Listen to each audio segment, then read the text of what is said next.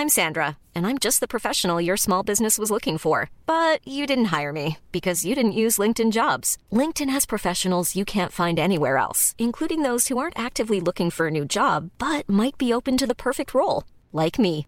In a given month, over 70% of LinkedIn users don't visit other leading job sites. So if you're not looking on LinkedIn, you'll miss out on great candidates like Sandra. Start hiring professionals like a professional. Post your free job on linkedin.com/people today. Hey Dave. Yeah, Randy. Since we founded Bombus, we've always said our socks, underwear and t-shirts are super soft. Any new ideas? Maybe sublimely soft. Or disgustingly cozy. Wait, what? I got it. Bombus. Absurdly comfortable essentials for yourself And for those facing homelessness. because one purchased equals one donated. Wow, did we just write an ad? Yes. Bombas. Big comfort for everyone. Go to bombas.com slash ACAST and use code ACAST for 20% off your first purchase. Even when we're on a budget, we still deserve nice things. Quince is a place to scoop up stunning high-end goods for 50 to 80% less than similar brands.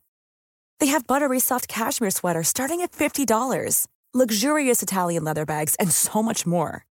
Plus, Quince only works with factories that use safe, ethical, and responsible manufacturing. Get the high-end goods you'll love without the high price tag with Quince. Go to quince.com slash style for free shipping and 365-day returns. Kristdemokraterna ett parti för fjortisar? Och är rättegången mot Gwyneth Paltrow tecken på en kvinnlig brottsvåg? Hur ser Beyoncés äktenskapsförord ut? Det här är Fint fullt av pengar. Jag heter Anna Björklund. Och jag heter Isabella Löwengrip. Grip.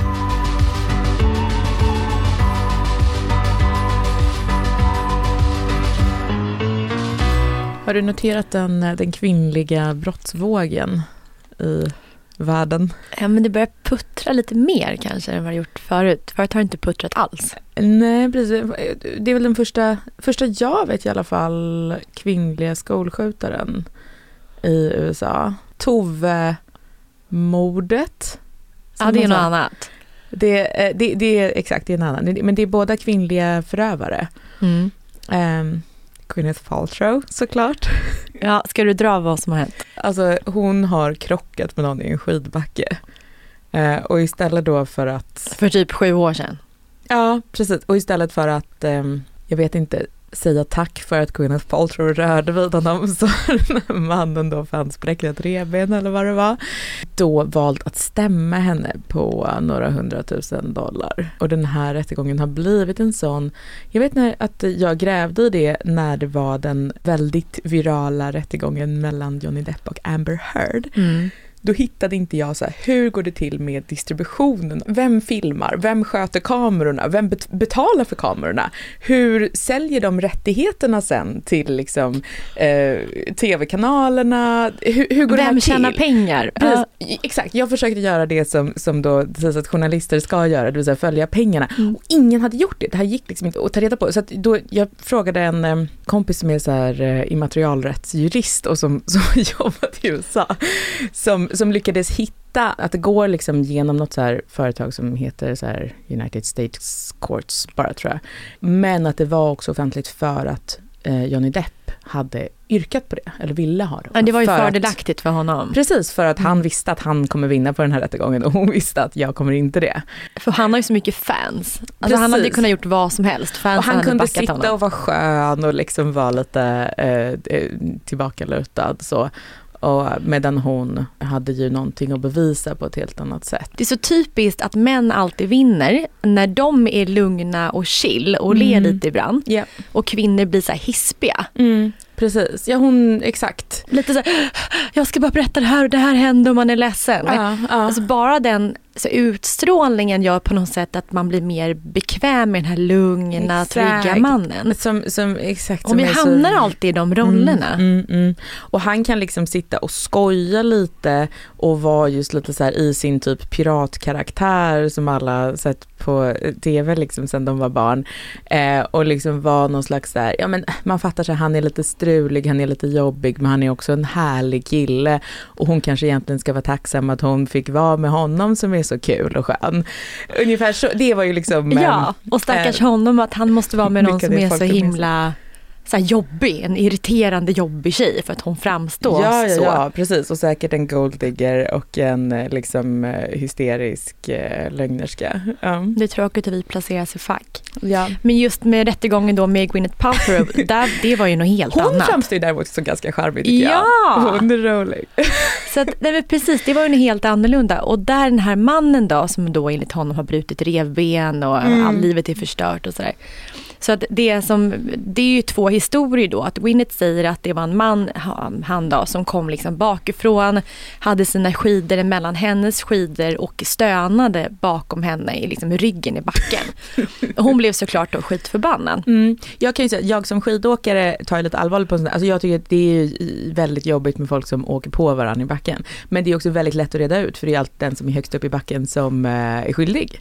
Punkt. Ja! Det är ju regeln. Ja, det, Ja. för man behöver ju aldrig vända sig om i backen och se att, så här, Nej. vad kommer hända. Man ska aldrig, precis, det är väjningsplikten är väldigt tydlig. Kommer du ovanifrån, då är det ditt fel.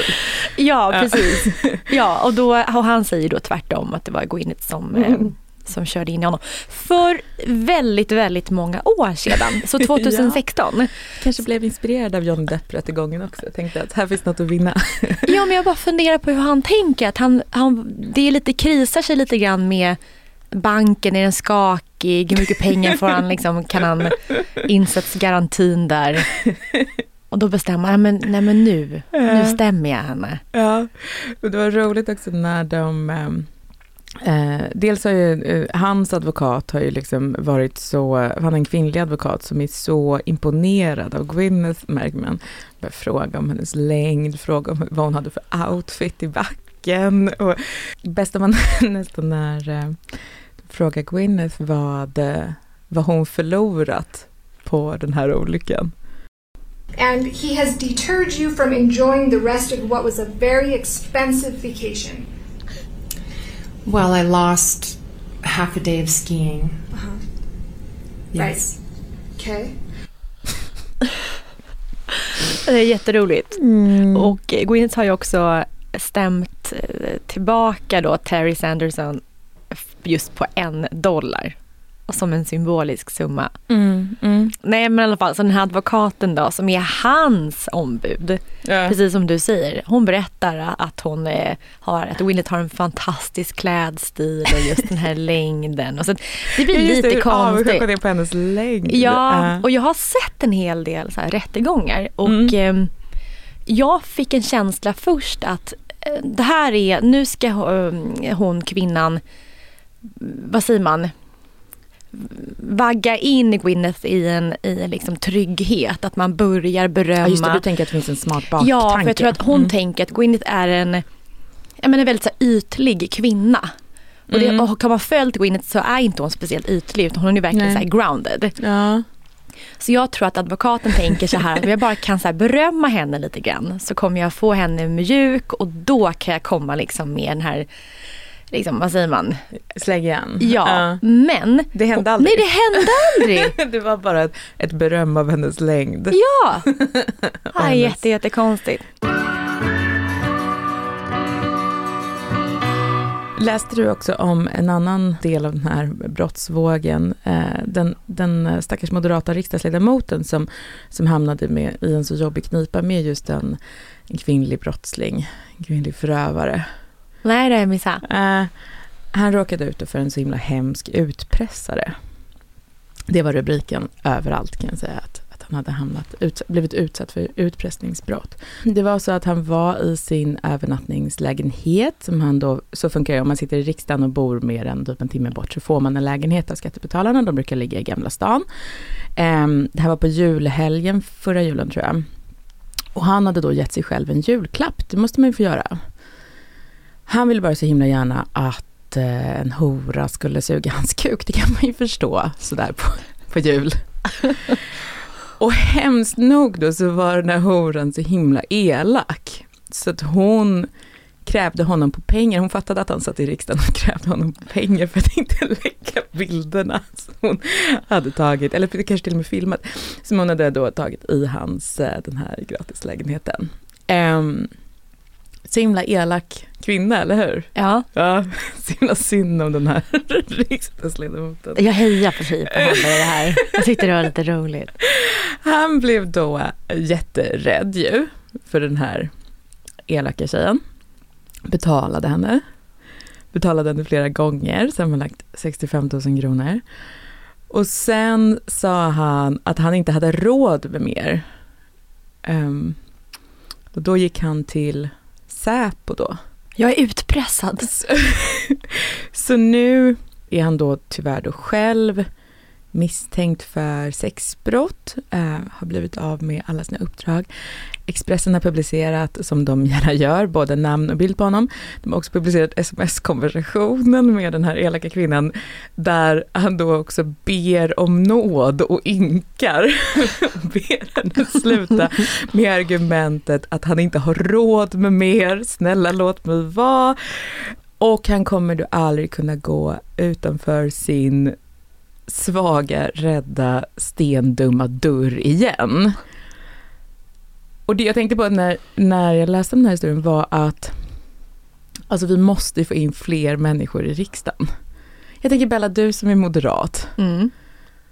Alltså, kan, jag, känner inte du en plikt liksom att knuffa ut några av de här, jag har också träffat den här gubben kan jag säga, alltså, du är så jävla liksom, ska vi, ska vi liksom säga till lyssnarna att snälla gå med i ett parti för att annars blir det så här. Alltså det kan inte vara så här låg konkurrens om riksdagsplatserna så att den här typen av farbror platsar där. Och dessutom kan göra sig hyfsat stark i så här, Stockholmsmoderaterna. Mm. Det, det är för sjukt. Alltså för att han är uppenbarligen då alltså, ganska puckad. Mm. Han är då också eh, svag. Mm. Alltså, han fattar inte makt överhuvudtaget, han kan inte hantera den här liksom 25-åriga tjejen.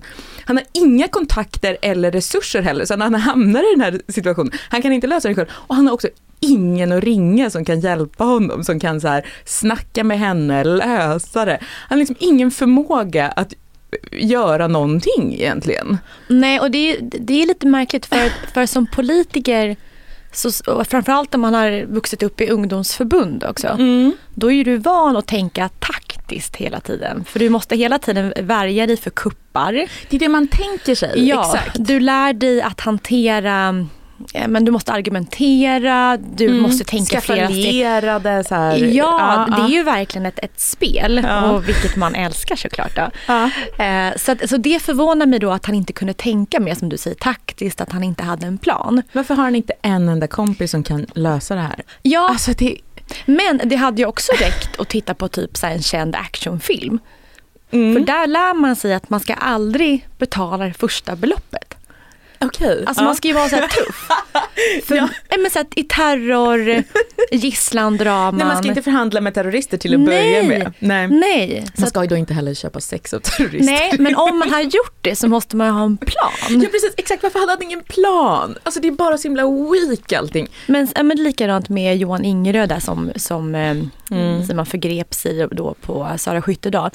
Varför är de så slämmiga de här männen? Varför kan de, de vet, de vet att var gränsen går. Ja.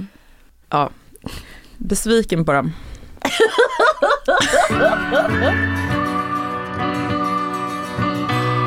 Rickard Olsson känner du till. Eh, ja, det gör jag. Eh, det är programledare i tv. Mm. Mm, ledde Vem vet mest i många år och sen var han väldigt sur när han fick sparken tror jag. Ja. Mm. Det, det, är, han gillar att skämta. Ehm, det är oklart hur mycket andra människor gillar när han skämtar. Han känns i Skulle grund och botten väldigt bitter. Han, ja, kanske lite, ja, Det finns något mörker där. Ja, precis. För att vara en sån, liksom, ehm, vad ska man säga, en kille med vita tänder som skojar i tv och, och liksom håller i en sån bunt manuskort. Så, så ja, han har en viss mörk energi, det, det måste man säga. Mm. Mm. Men som programledare tycker jag han är duktig. Jag älskar Vem vet mest. Mm.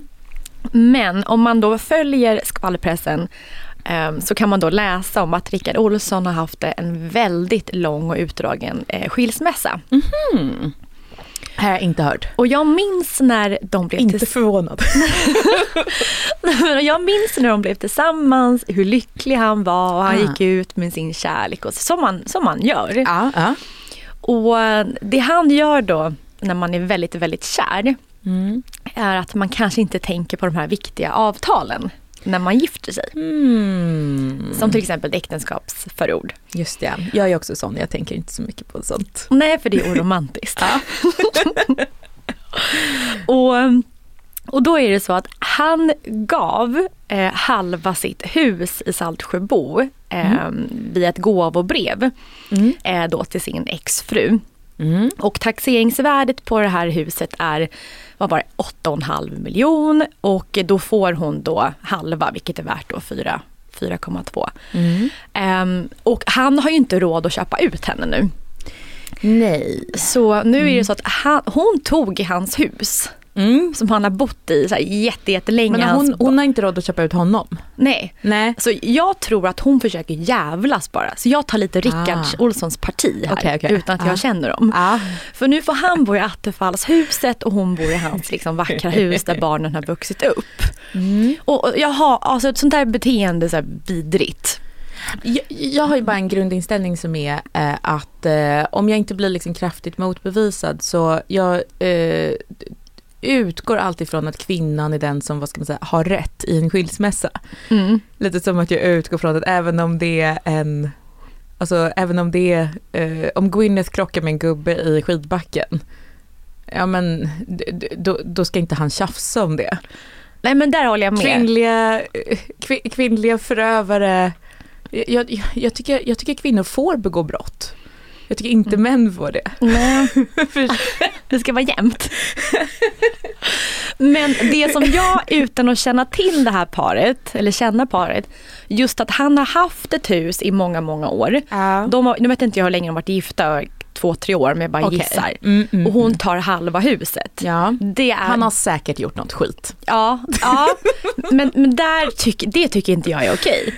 Så, Nej. så jag gillar Rickard Olsson, jag är på hans sida i det här. Ja. Men jag blir generellt irriterad på folk som, som du, som, som inte skriver äktenskapsförord. Mm, just det. Du Jag tycker, att det tycker- borde vara löst redan. Ja men jag tycker så här.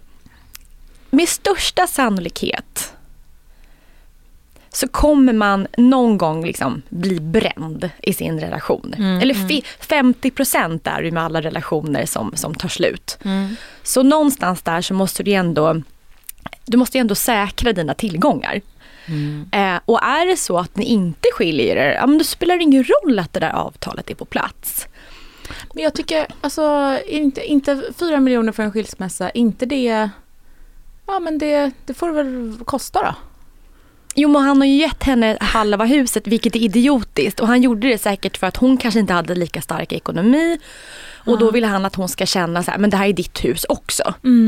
Precis. Och, ehm, och det finns ju massa, jag träffar ju väldigt många människor där frun är hemma och mannen jobbar och där självklart så måste det finnas ett äktenskapsförord som, som snarare ehm, som är reglerat så att hon, eller snarare så här, Ger henne trygghet. Ja, och eller? då är det egentligen ja. inga äktenskapsförord utan då kanske inte ska finnas några äktenskapsförord. Men som man, sitter man på, eh, är man delägare i en massa bolag så måste du skydda det innehavet i aktierna. Just det, precis. Ja, det finns inga andra delägare som skulle tillåta eh, dig som delägare. Frun kommer in och tar Nej, alltså det är ju bara plötsligt. kladdigt. Just det. Mm. Ehm, så, så jag vill bara här, slå ett slag för, för äktenskapsförord.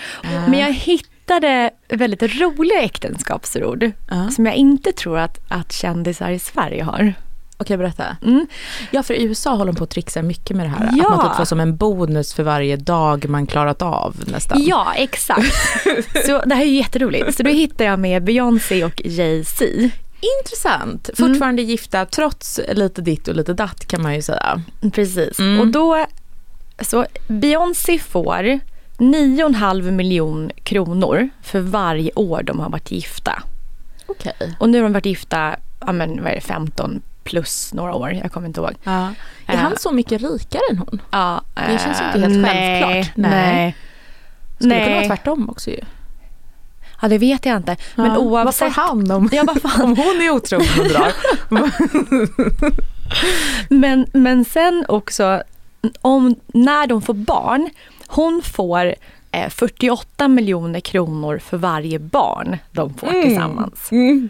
Inte det jättemärkligt? Hon får pengar för antal år som gift och antal barn. Ja, det är roligt. Kan det vara för att täcka så här PT-kostnader för kroppen? Ja, precis. Hans bara, men 48 miljoner, det här är otrohet. ett gig. Ett halvt gig, tänker hon då. Eh, är det det, är det, det känns som att det är konstigt räknat. Ja, men jag tror att det innefattar just eh, kroppsproblematik, att hon hem, måste vara hemma, bortfall av eh, jobb när hon har barn. Ja. Och den här åren med honom är på något sätt stå ut med otrohet. Just det. Ja, han var på krogen i Stockholm någon gång när jag var där. Jag tror det var på Fo. Ja. Och han hade ju många unga blonda tjejer i sitt knä. ja, precis. Men Kanye West har väl också en sån berömd historia som jag inte ska eh, outa någon. Men, Nej, men så det, jag tror att det är det. Ja. Men och eh, så fler då, så finns det ju då Justin Timberlake och Jessica Biel. Är de fortfarande gifta? Mm. Och de har att, eh, skulle det vara så att Justin är otrogen mot Jessica så får hon då 4,8 miljoner per otrohetsgång. Okej, så han måste verkligen så sätta sig och räkna efter, är det värt det? Ja. Okej. Okej då, du har en timmas jobb där. och, eh, och sen har vi då Catherine Zeta-Jones och Michael Douglas. Där har de gjort så att hon, det är en hemlig summa, så de har inte gått ut med hur mycket hon får om Douglas är otrogen mot henne. Men där är verkligen frågan, så här, skulle han orka fysiskt vara otrogen mot henne? Nej, och jag tror Eh. han är så kär i henne. Ja. De är så fint par. Men återigen, hon får 27 miljoner kronor för varje år de är gifta. Jag fattar inte den logiken. Jag tror som svensk, som svensk Det- alltså, i svensk eh, relation så är vi väldigt jämställda generellt.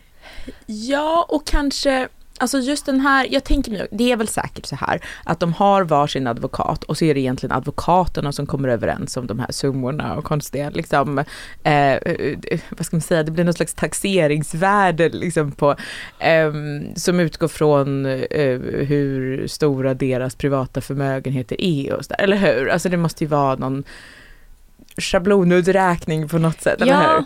De kanske inte ens är med på det. Eller förstår du vad jag menar? När de bara tar någon så här mall som finns Ja. i Hollywood. Nej, men det, det behöver inte vara så att det är eh, Catherine Zeta Jones själv har suttit och sagt så här, jag ska ha, jag kräver, jag, jag, jag tar inte på mig ringen förrän jag får 27 miljoner om året för, för ja. Det, det behöver inte vara så menar jag. Ehm, tänk, ja. Nej, men, nej, men jag kan tro att Beyoncé har suttit nu ganska hård mot Jay-Z. Och sagt, Henne kan jag se Ja. en, sån förhandling. nej, och sagt så här, jag ska ha 48 miljoner kronor per barn. Ja. Och att det skulle kunna vara så att de lever i en sån chimär också, att även om hon tjänar jättemycket mer pengar än han, så skulle ingen av dem, alltså de låtsas ändå att det är han som är liksom, eh, vad ska man säga, mannen. Men han kan, tänk om Jay-Z är frun i det förhållandet.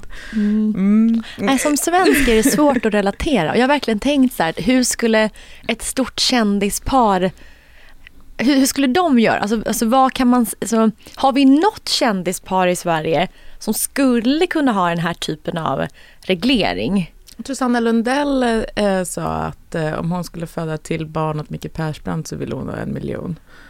Eh, Ja, ja, men, ja, den, ja jag kan förstå. Och hon skulle ju behöva pengar för varje otrohet också. Kanske. Det hade ju varit fair. spekulera. Nej, det är farligt. Men, men det här tycker jag hade varit fair mot henne. Eller retroaktivt, för då hade hon också tjänat väldigt mycket pengar. Ja, men det är, eh, det vet jag, kanske, jag vet, det vet inte jag. Känsligt ämne. Mm. Jag bara tycker att, att vi kanske i Sverige också borde fördjupa vår äktenskap och lägga till andra saker. Jag tror vi kommer se en, en, en stor våg av skilsmässor efter de här kritiska ränteåren. Just för att det har varit så mycket tjafs om ekonomin. Just nu har ingen råd att skilja sig, men om ett halvår, då jävlar. Då jäklar, då kommer allt ikapp.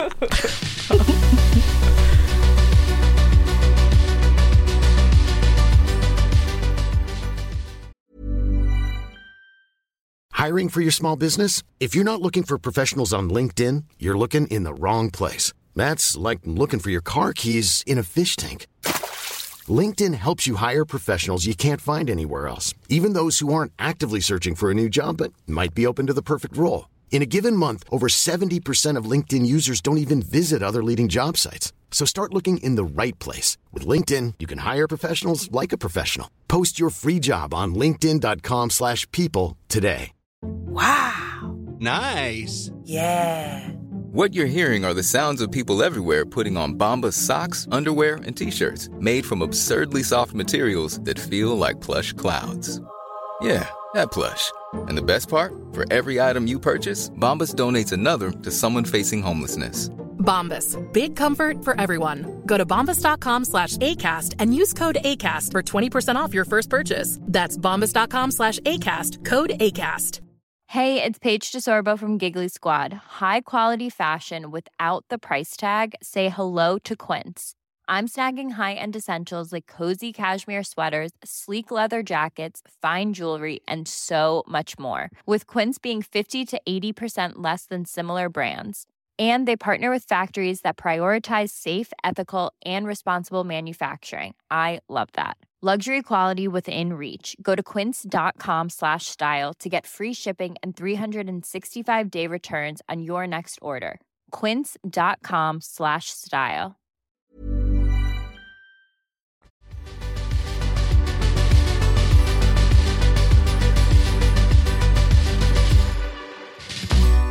Låt mig berätta vad jag viger mitt eh, liv åt just nu. Lidl. Eh, ja, jag har börjat handla på Lidl. Trivs jättebra, tack så mycket. Väldigt goda apelsiner. Eh, finns inget ekologiskt dinkelmjöl, men annars så är det toppen. Men, eh, nej, men det jag gör nu, det är ju att, att jag håller på att planera att bygga ett hus, som du vet. Mm. Och, och när, man, när man ska bygga ett hus, då måste man ju fatta väldigt många beslut. Mm. Och man måste göra det liksom under en väldigt lång tid. Man ska, och alla beslut är avgörande under den här långa tiden. Och det är det som gör att många tycker det verkar så himla jobbigt att bygga hus, tror jag. Och det är också det som gör att vissa av oss tycker att det känns så kul, för att man får bestämma så mycket. Uh, för man ska inte bestämma då bara liksom var det ska ligga, hur stort det ska vara, hur det ska se ut, vilka material det ska vara och så. Utan uh, man ska hitta då vad som är bäst.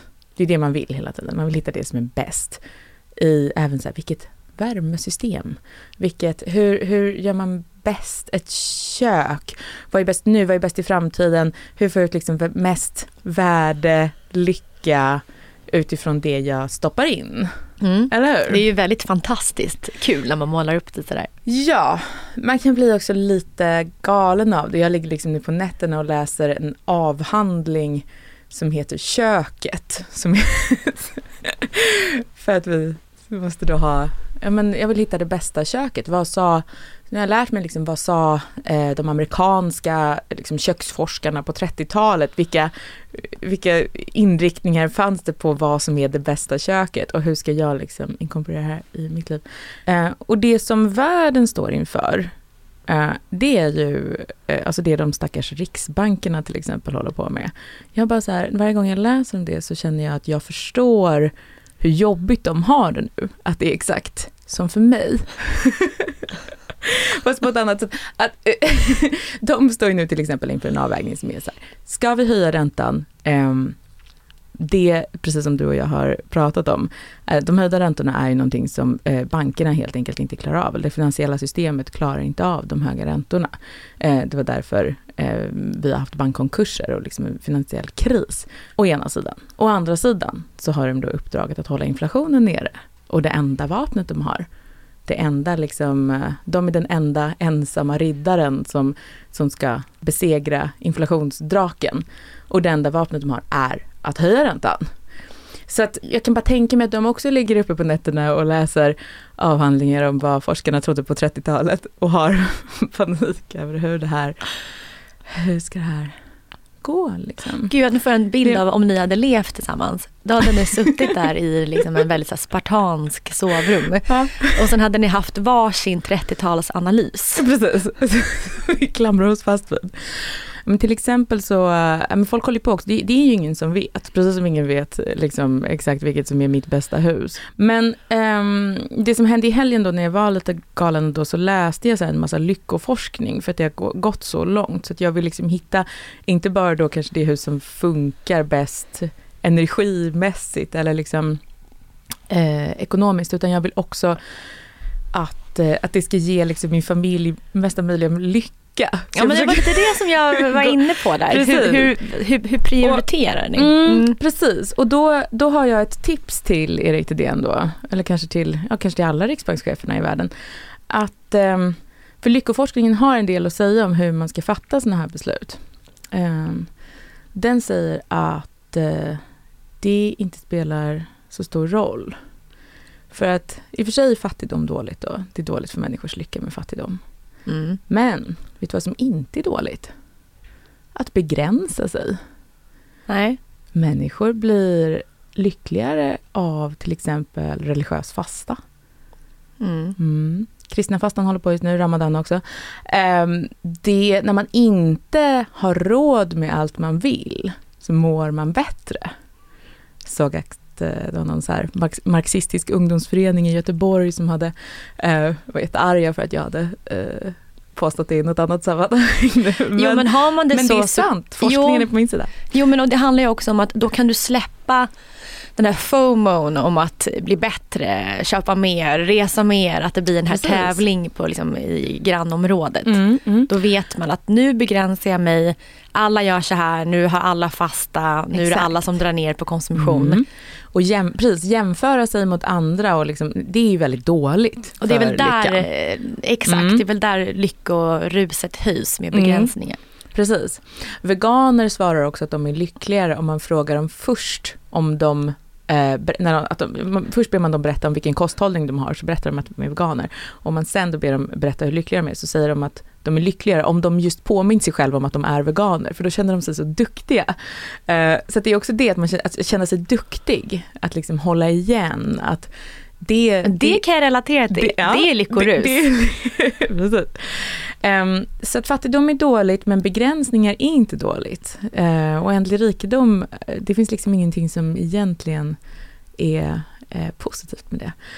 Um, stress, någonting som kan hänga ihop med fattigdom. Det är ju tyvärr dåligt då. Mm. Att vara orolig över hur det ska gå och hur, uh, hur man ska klara sig och så.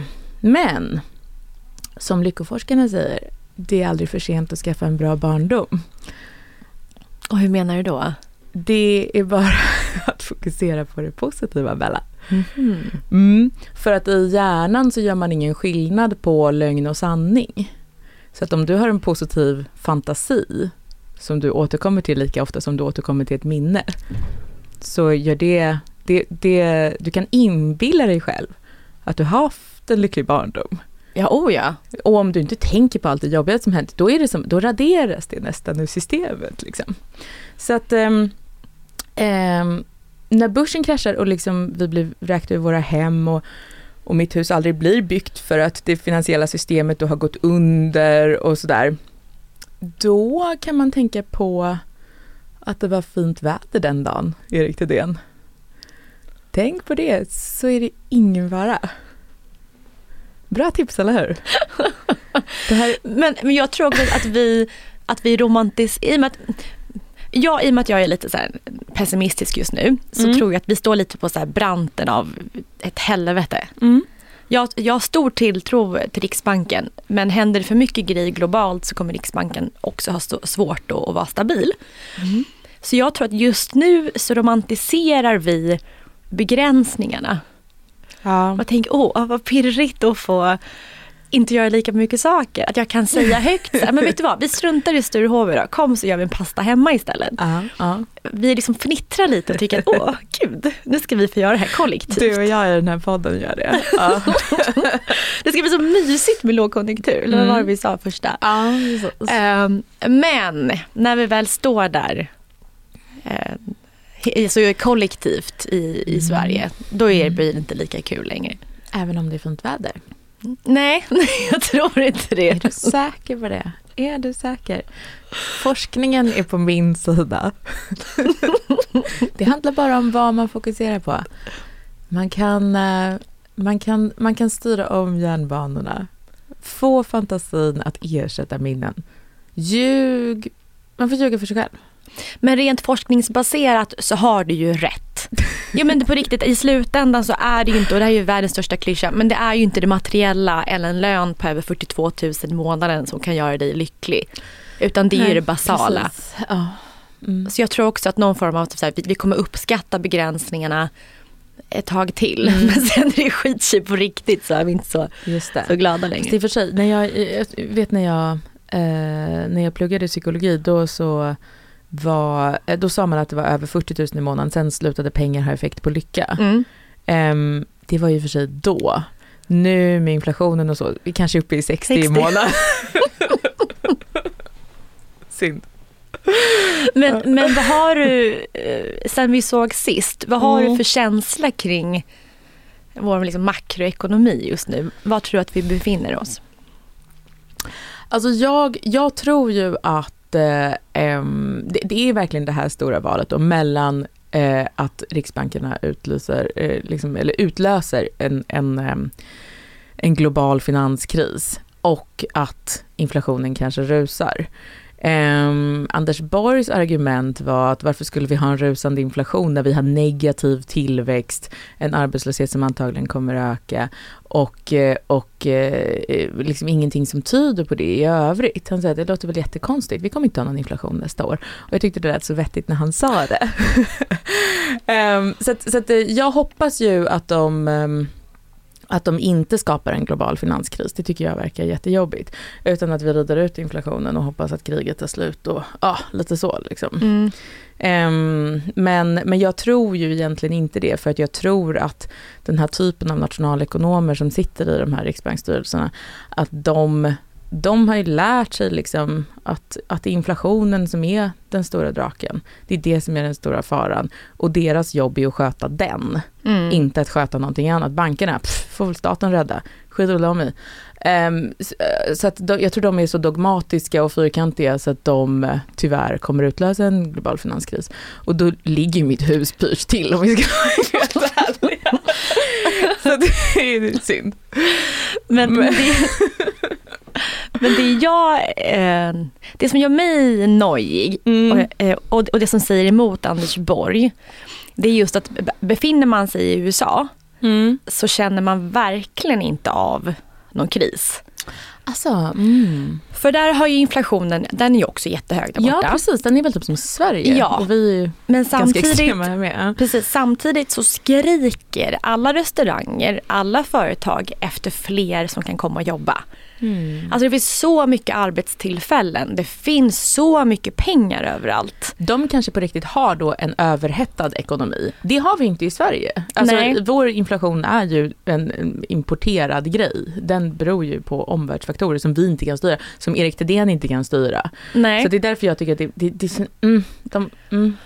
Så jag tror att, och um, i USA så har du ju inte rörlig ränta på din bostad på samma sätt. Utan du har ju liksom en fast på mycket längre sikt. Det funkar lite annorlunda. Ja. Så därför ser man inte riktigt inflationen på samma sätt. Alltså den har inte fått samma konsekvenser. Mm. För att hushållen har fortfarande mycket mer, mer pengar att handla för. Mm. Så därför tror jag att det kommer bli, alltså USA är ändå världsmakten och Ja, nyser. USA så blir Sverige förkylda, Ja. brukar man säga. Mm. Så jag tror verkligen att, att vi har en mycket längre fas framför oss i och med att vi inte sett någon skillnad riktigt i, i USA än. Mm. Så det kommer snart. Och sen likadant i Sverige, vi har, ingen, vi har, vi har typ ingen arbetslöshet. Nej, men Anders Borg tror att den är stigande. Så, nej men jag tror att vi har, jag, jag har fullt förtroende för Riksbanken. Jag, Det har inte. Oh, det har inte jag. Oj, det inte jag. Nej, Men jag är väldigt tacksam för Riksbanken. Jag tycker om att, Mm. att de eh, ökar räntan i full fart. Eh, just som du sa, att det är det enda vapnet.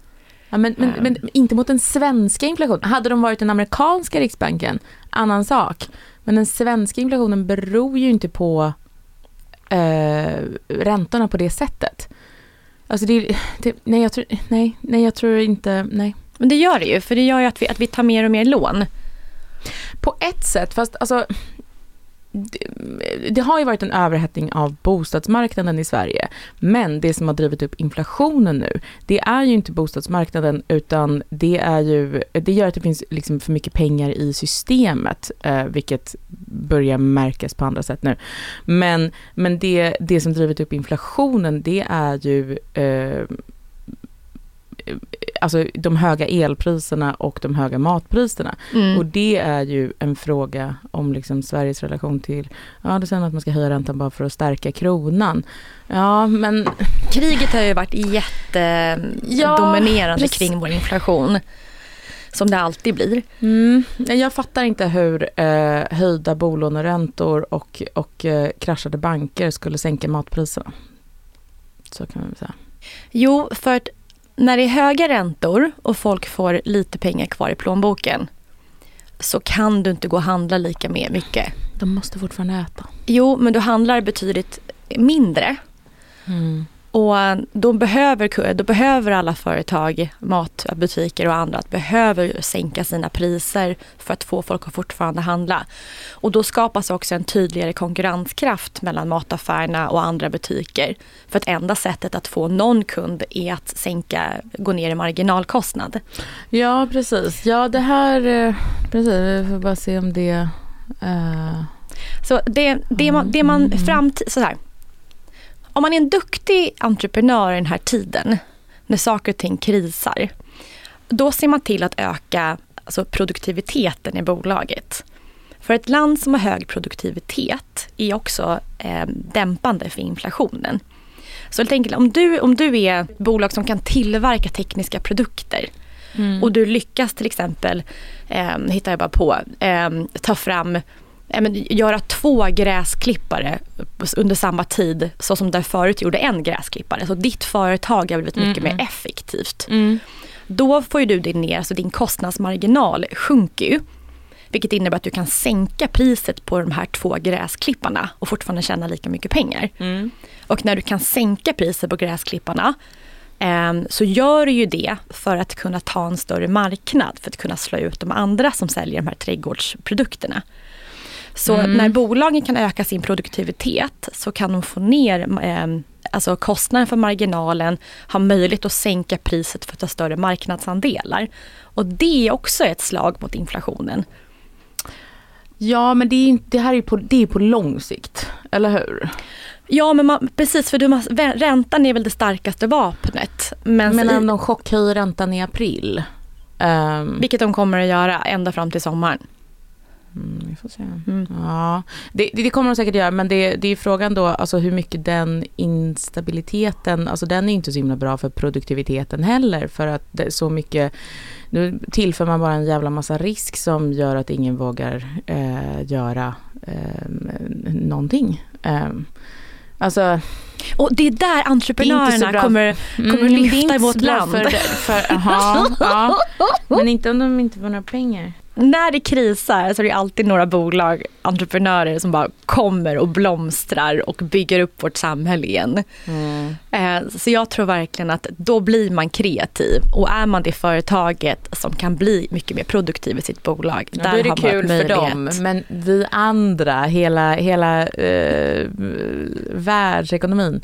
Ja, ja, nej. Ja, mm. Så det är därför jag säger att jag, jag är positiv till ränteökningarna. För jag Mm. ser ringarna på vattnet eh, framöver. Jag tror bara att den svenska marknaden, alltså på ett sätt, den, den är ju eh, så otroligt beroende av omvärlden och sen så har den också sina egna problem. Och jag tycker att, alltså att, den, att vi har så, att hushållen är så otroligt belånade i Sverige, det gör ju att alltså, gränsen för hur mycket räntan kan, höja- räntan kan höjas utan att, att eh, bankerna blir skakiga här är ju eh, eh, ganska låg. Alltså den är, borde vara lägre än i många andra länder. Ehm, och samtidigt så nyttan med att höja räntan kanske också är lägre än i många andra länder eftersom så stor del av inflationen är importerad. För att vi är så beroende av att importera mat. Liksom. Um, vi kan inte odla saker på vintern i det här jävla landet och så vidare. Um, och vi är liksom ett litet, ett litet exportberoende land som politikerna brukar säga. Ehm, så att, ehm, men jag tycker bara det verkar som att det, ehm, just för oss så så känns det så jävla risky liksom. Utan, ja. Mm. Mm. Mm. Ja, ja.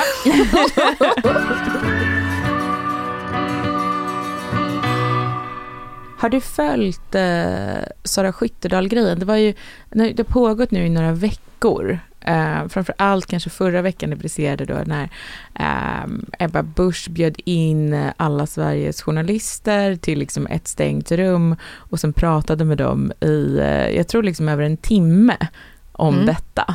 Jag gillar att hon, hon är en av de eh, politikerna som verkligen så här, samlar, kliver in, tar ton och Ja, är handlingskraftig. Ryggar inte. Nej, jag Nej. uppskattar det med henne jättemycket. Jag gillar också det och det, det är ju, jag tror att det är väl där, hon funkar ju väldigt bra medialt. Mm. Ehm, hon funkar ju mycket bättre medialt än hennes parti gör, får man ju säga. Ja. Ja. men eh, men och det är någonting med hennes parti och kanske partikultur och sådär som ju den här historien liksom har handlat om. Som är att Sara Skyttedal då, som var ordförande för KDU, framförallt känd som nu hon är Europaparlamentariker, eh, anklagade eh, Johan Ingrö som också är högt upp i partitoppen. De är från samma politiska läger kan man säga. De är båda liksom från nya KD, precis som Ebba. Så de eh, har varit liksom i luven på varann, kanske de här två eller de här tre över Sara Skyttedals utspel i cannabisfrågan i vintras. Mm. Ehm, och det här har du också följt, eller hur? Ja, ehm, och där, alltså jag, jag är så tudelad när det gäller hennes uttalande kring just eh, cannabis. För hon berättar ju då att hon har brukat. Ja, och jag antar och att hon Ebba är... sa åt henne att så här, nej men nu, hon får inte göra det igen. För Hon kommer inte göra det här igen. Hon har försäkrat mig om det. det är som att hon får ett utegångsförbud. Ja. Liksom. Ja. Men, men eh, att, att prata om legalisering av cannabis är ju en trend som vi ser i Europa. Det är massa Precis. länder som pratar om det. här. Det känns som att det är en trend att vara positiv till det här. Ja, och det är alltså på, egentligen så, i sakfrågan så jag tycker det känns ju allt konstigare om man tänker så här hur många svenskar det är som typ eh, reser till USA, reser till andra länder i Europa och så vidare där cannabis är eh, så normalt. Eh, och sen att det i, i Sverige fortfarande är eh, ja men Alltså någonting man då knappt vågar erkänna att man vet vad det är. Alltså att det finns inget politiskt parti som vill diskutera den här frågan. Och det, det, det är någon... Det är lite roligt att det är just Sara Skyttedal som ju har varit en sån som sprängt sådana gränser tidigare, liksom, som tar upp även det här. Eh, hon fällde decemberöverenskommelsen och sprutade champagne på alla.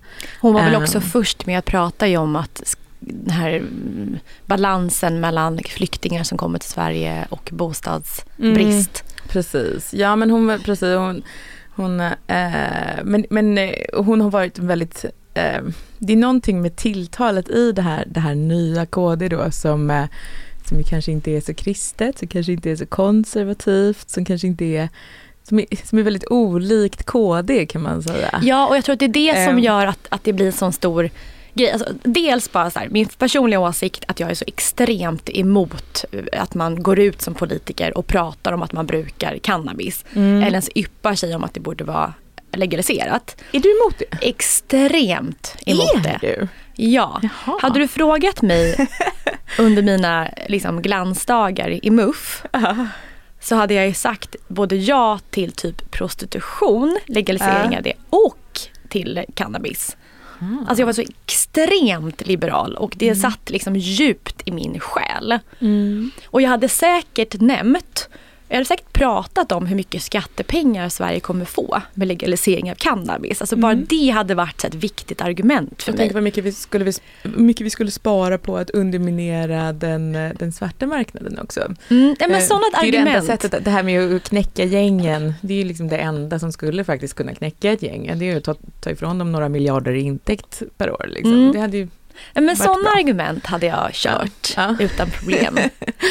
En, i, idag så är jag mycket mer konservativ ehm, och, och kände starkt att på något sätt så här, min utgångspunkt i det här är på något sätt så här, eh, vilka påverkas när människor brukar cannabis? Mm. Eh, och då kan vi bara titta på våra barn i samhället. Mm.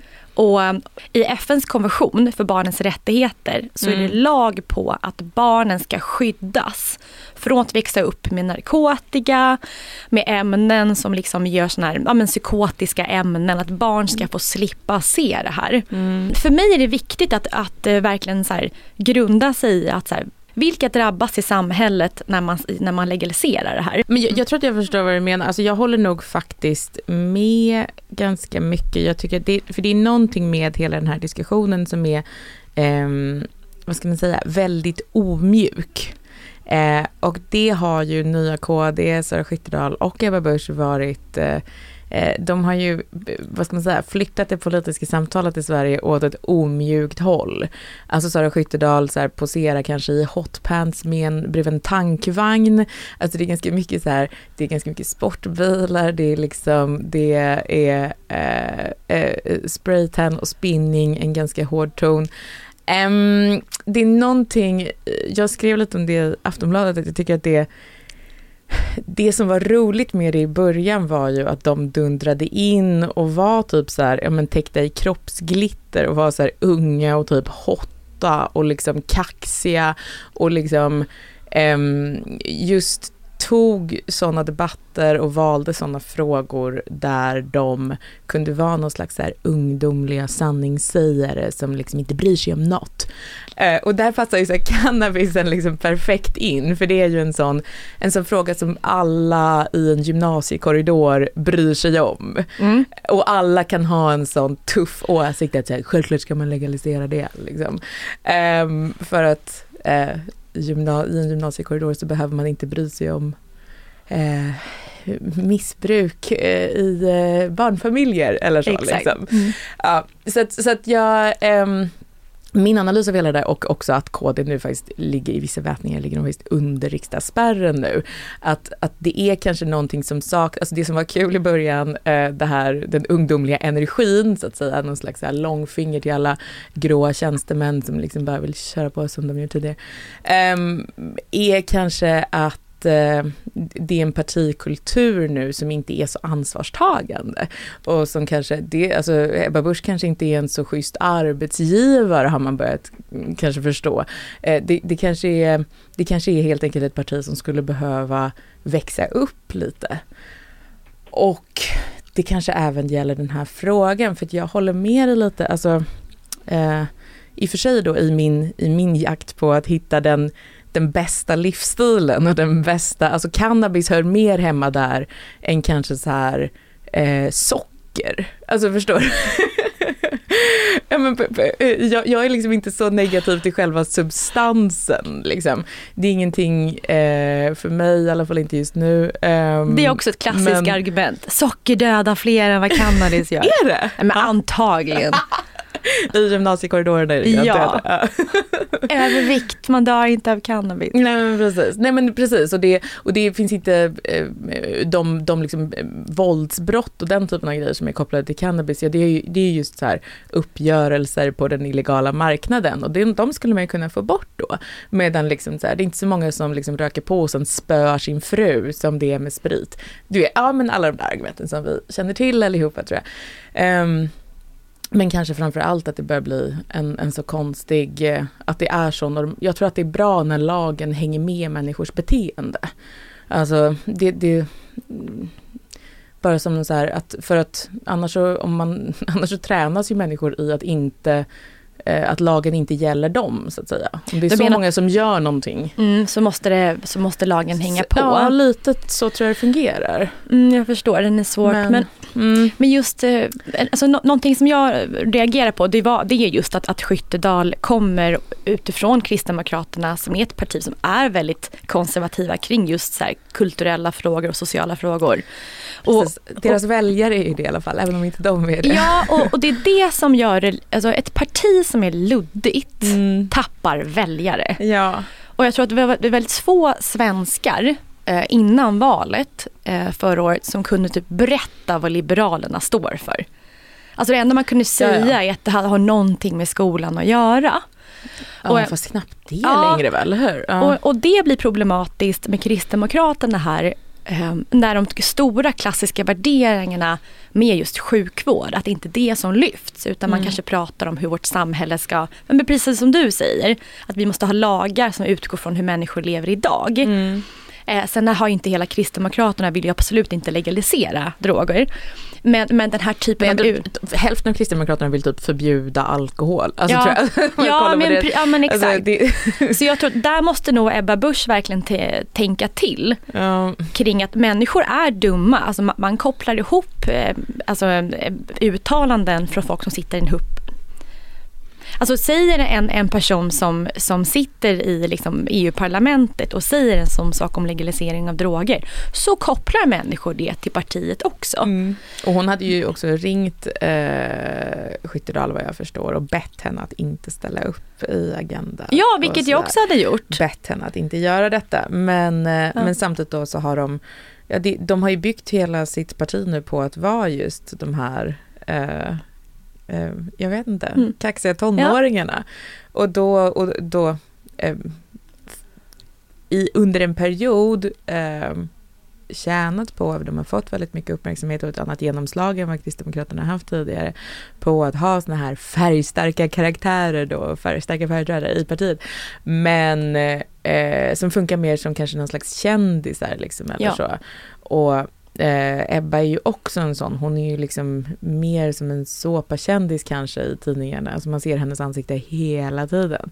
Ehm, och det eh, har funkat till en viss gräns. Mm. Mm.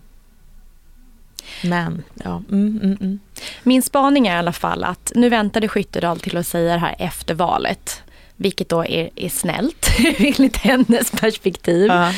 Men jag tror att ska man som parti förflytta sig och bli moderna, så vi såg ju nya Moderaterna för massa, massa år sedan. Mm. Eh, Då måste man göra det i en liksom gemensam, alltså verkligen att hela partiet tar ställning till någonting och driver en utveckling långsamt tillsammans som är väldigt, väldigt tydlig. Och då kan man inte ha någon Adaktu, Adaktusson som liksom röstar emot aborträtt och så, rätt och så kommer hon med legalisering av droger. Det funkar inte, alltså förlåt men bara sparka ut dem och bara vägra att ta in dem för det funkar inte i ett parti. Tillbaka med de gråa frikyrkopastorerna. Ja, hellre det om man ska tänka kring just att få väljare. Mm. Och likadant med SD. Eh, bara få bort de idioterna som uttalar sig eh, sjukt. Det är det enda sättet att få ett parti rumsrent. Mm. Så rent från liksom ett valperspektiv så är det här katastrof med Skyttedal. Hon kunde leda Liberalerna istället. Ja, eller, eller De gå tillbaka till ungdomsförbundet. Men nu är hon väl 40 år gammal. Hon kan... Hon kan vara någon sån alumni. Men sådana åsikter om legalisering av droger försvinner ju efter 30-strecket och man måste lämna ungdomsförbundet. Vet du vilka som vill legalisera droger? Nej. Killar. Ja. Killar är dumma. Vi kan avsluta där, där vi började. Puss och kram. Missa inte att Fint, fult och pengar släpps varje torsdag. Och du kan gå in och prenumerera på podden och glöm inte att berätta om den för alla dina vänner.